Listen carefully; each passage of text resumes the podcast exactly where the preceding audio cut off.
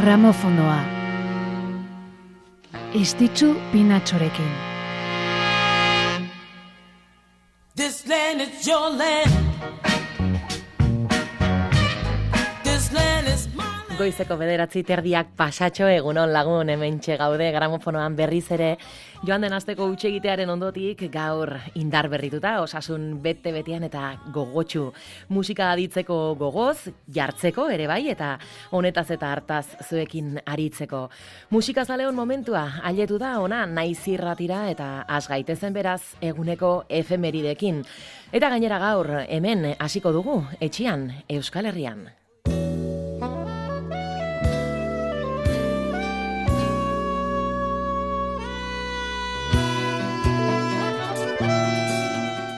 Estitxu Robles Arangiz, kantu eder, moldaketa bikaine eta ahots zoragarri honen atzean. Ez duzu jakin egon, Estitxu. Ez duzu jakin egon, ez duzu jakin ez duzu jakin egon, ez duzu jakin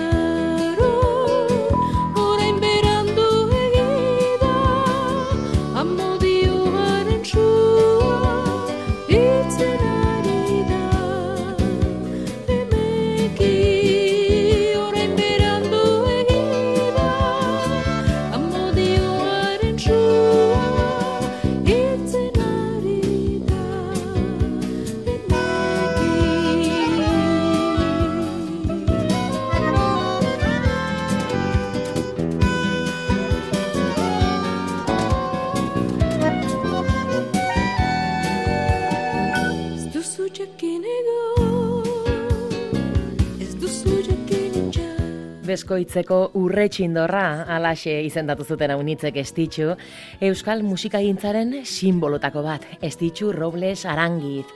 Ameka senitarteko familia batean jaio zen, bere izanik alaba gazteena, eta musikarekiko zaletasun handiko familia zen Robles Arangiz Bernaolatarrena.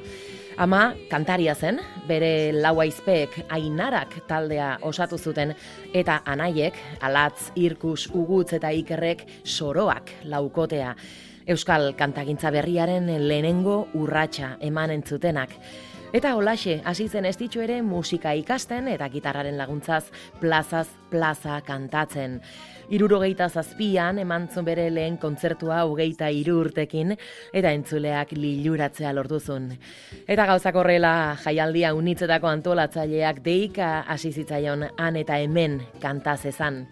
Pentsa irurogeita beretzian Mexiko eta Venezuelara joan zen kantatzera, hango Euskal Etxe egon bidatuta, eta han ere oi hartzun handia izan zun. Venezuelako zerrendetan lehen postua eskuratzeraino.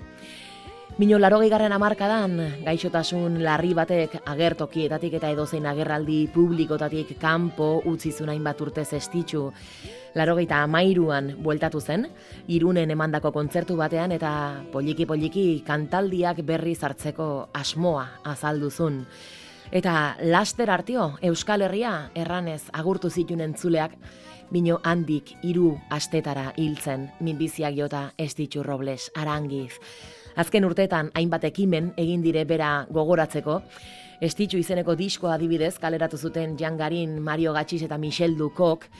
2008an bere izena daraman kalea inauguratu zuten Baionan, bertako kolegioak ere alaxe du izena, Estitxu Robles Arangiz. Eta 2018an Frank Dolosor kazetariak eta Iban González errealizatzaileak Estitxuren ekarpen artistikoari buruzko dokumentala estreinatu zuten gaur, irurogeita emezortzi urte beteko zitun. Gazte zendu zen berrogeita zortzi urtekin, bino egindako ekarpena erran bezala zoragarria izan zen.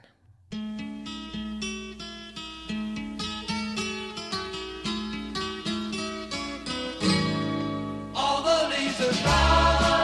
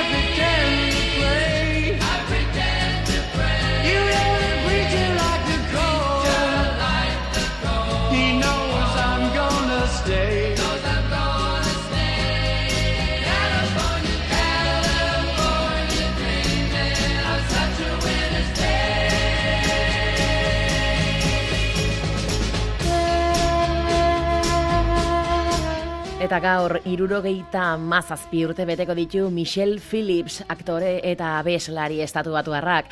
The Mamas and the Papas taldearen jatorrizko laukiretatik bizirik gelditzen den bakarra, Michelle Phillips. Irurogeita bortzetik, irurogeita mabira arte egontzen martxan taldea eta Flower Power mugimenduaren abanguardian. Bertzeak bertze, aditzen ari garen California Dreaming bezalako kantekin. Taldea banatu zenean Michelek bakarkako ibilbideari ekin zion, Victim of Romance albuma argitaratuz, bino egiarran etzun arrakasta hundirik izan. Dena dela, Michel Philipsek gaur, irurogeita, amazazpi urte.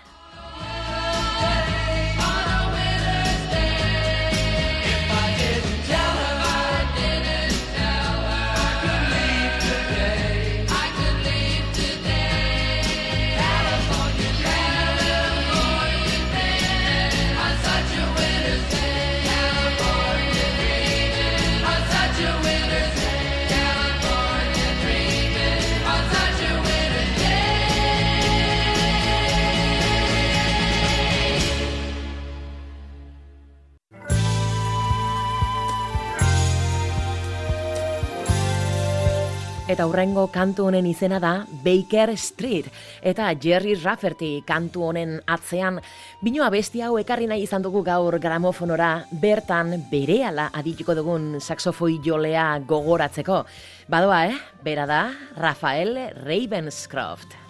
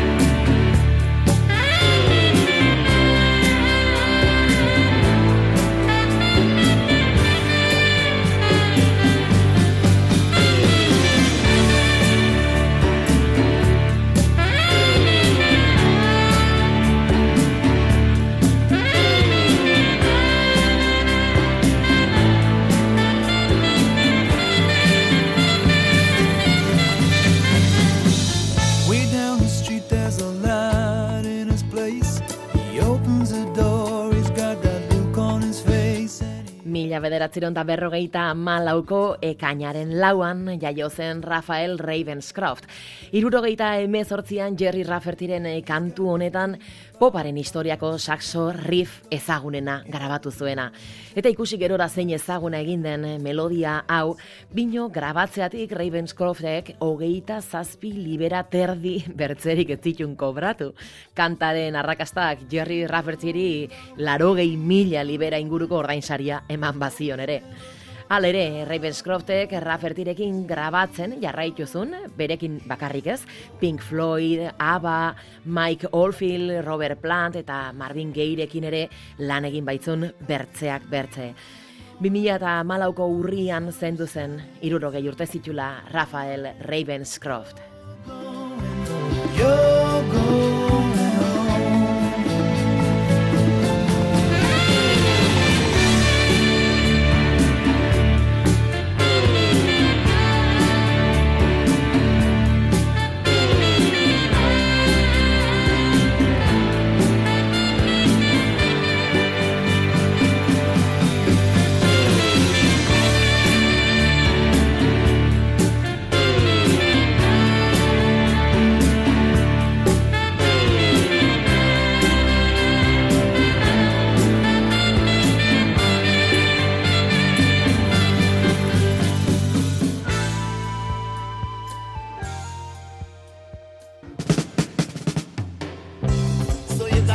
fuck to.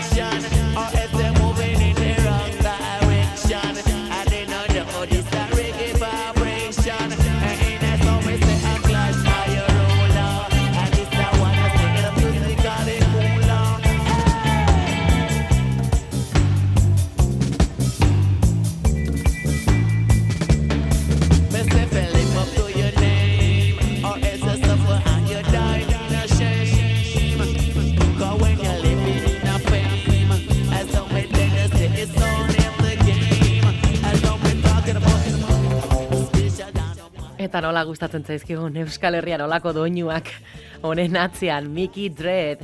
Bino ez bakarrik kasu honetan The Clash taldekoak baitaude Mickey Dread abeslariarekin batera. Horrelako kolaborazioak egiten ausartu baitziren The Clashekoak.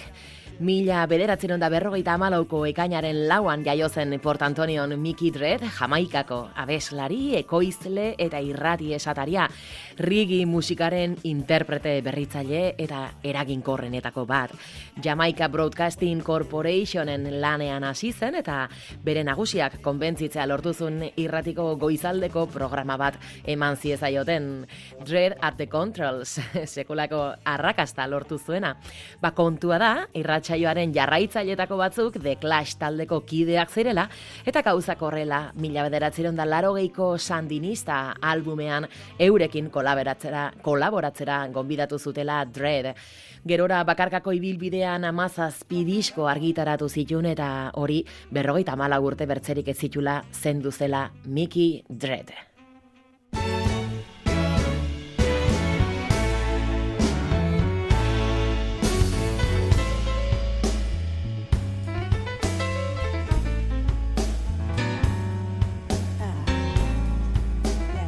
Eta gaurkoa da baitare ondorengo hause bere izena Nika Costa. Honey, you do me wrong, still I'm crazy about you. Stay away too long, and I can't do without you. Every chance you get, you seem to hurt me more and more. But each hurt makes my love before. I know flowers go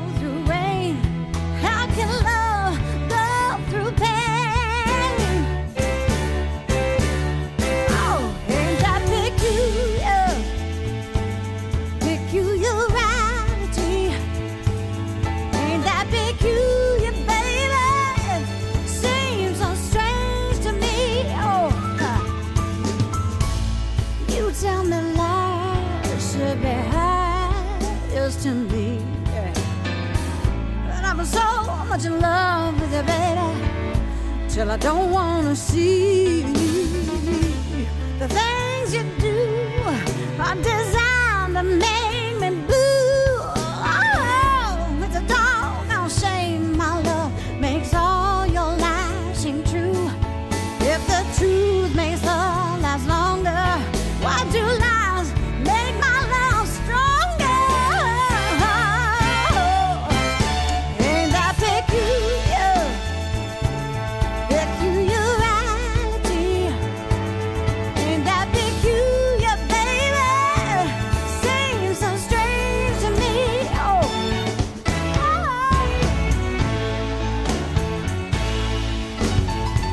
Berrogeita bedetzi urte beteko ditu gaur Nika Kostak Tokion jaiotako abeslari ipar Amerikarrak. Sinatrarekin egindako lanagatik ezaguna den Don Costa ekoizle eta moldatzailearen alaba da bera Nika Costa. Larogeita batean, bederatzi urte bertzerik etzitula Nikak Europa unkituzun fama edo fame musikalaren Out Here on My Own kantua grabatu zunean. Gaur egun, Nikak musikaren munduan jarraitzen du eta abeslari arrakastatxua bihurtu da, bere musikan eh, soul, blues eta funk elementuak kombinatuz. Honen izena Ain't That Peculiar, Nika Costa.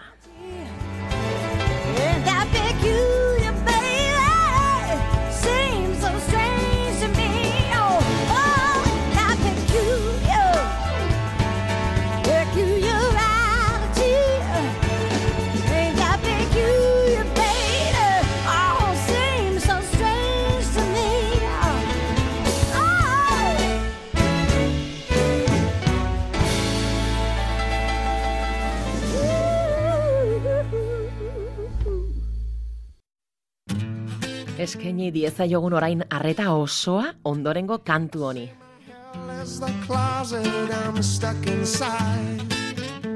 Can't my heaven is a nice house in the sky. Got central heating,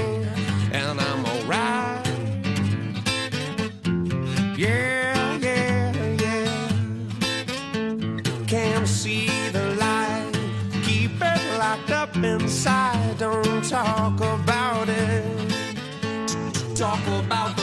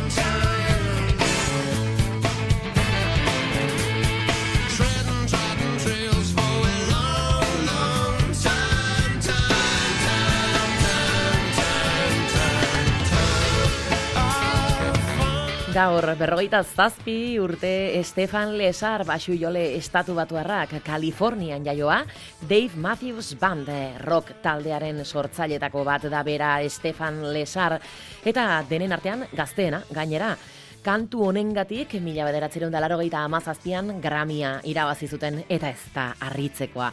Azenolako talde puska eta azenolako moldaketak. So much to say honen izena Stefan Lesart zoriontzeko gaur, ekainaren lauko honetan hemen naiz irratian. Open up my head and let me out. Am I not pretty enough? Is my heart too broken? Do I cry too much? Am I too outspoken? Don't I make you laugh? Should I try it harder? Why do you see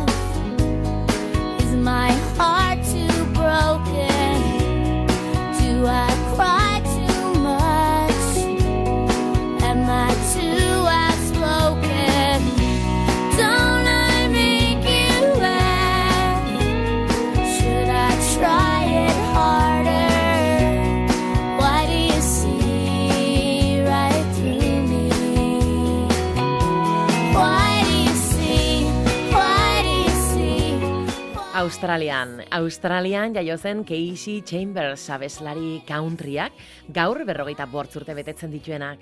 Diane eta Bill Chambers musikarien alaba eta Nash Chambers musikari eta ekoizlearen eh, arreba, laurek Dead Ringer Band familia taldea osatu zutenak. Elkarrekin lau disko argitaratu zituzten, hoietako batek country disko onenaren eh, aria saria lortuz. Australian banatzen diren musika sariak dire ariak. Mino gero Keisik bakarka jarraitu zuen eta bere amabi albumetatik bortzek lehen postua lortu zuten Australiako zerrendetan. Bere ibilbide osoan amalau aria sari jaso ditu, hoietatik bedetzi country disko onenarengatik. Bertzeak bertzen Not Pretty Enough, ez nahikoa polita aditzen ari garen aditu dugun kantu honengatik. Zorionak beraz, Casey Chambers.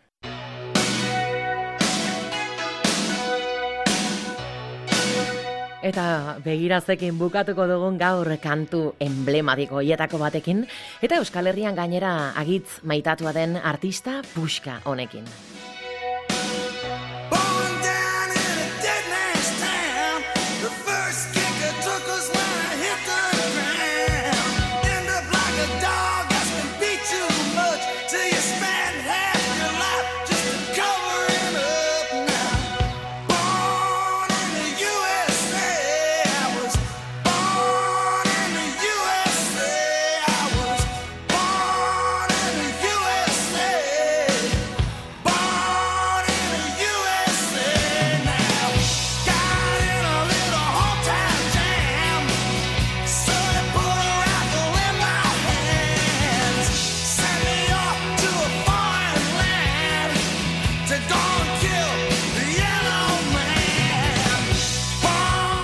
Bruce Springsteenen Born in the USA diskoak urteak betetzen ditu gaur.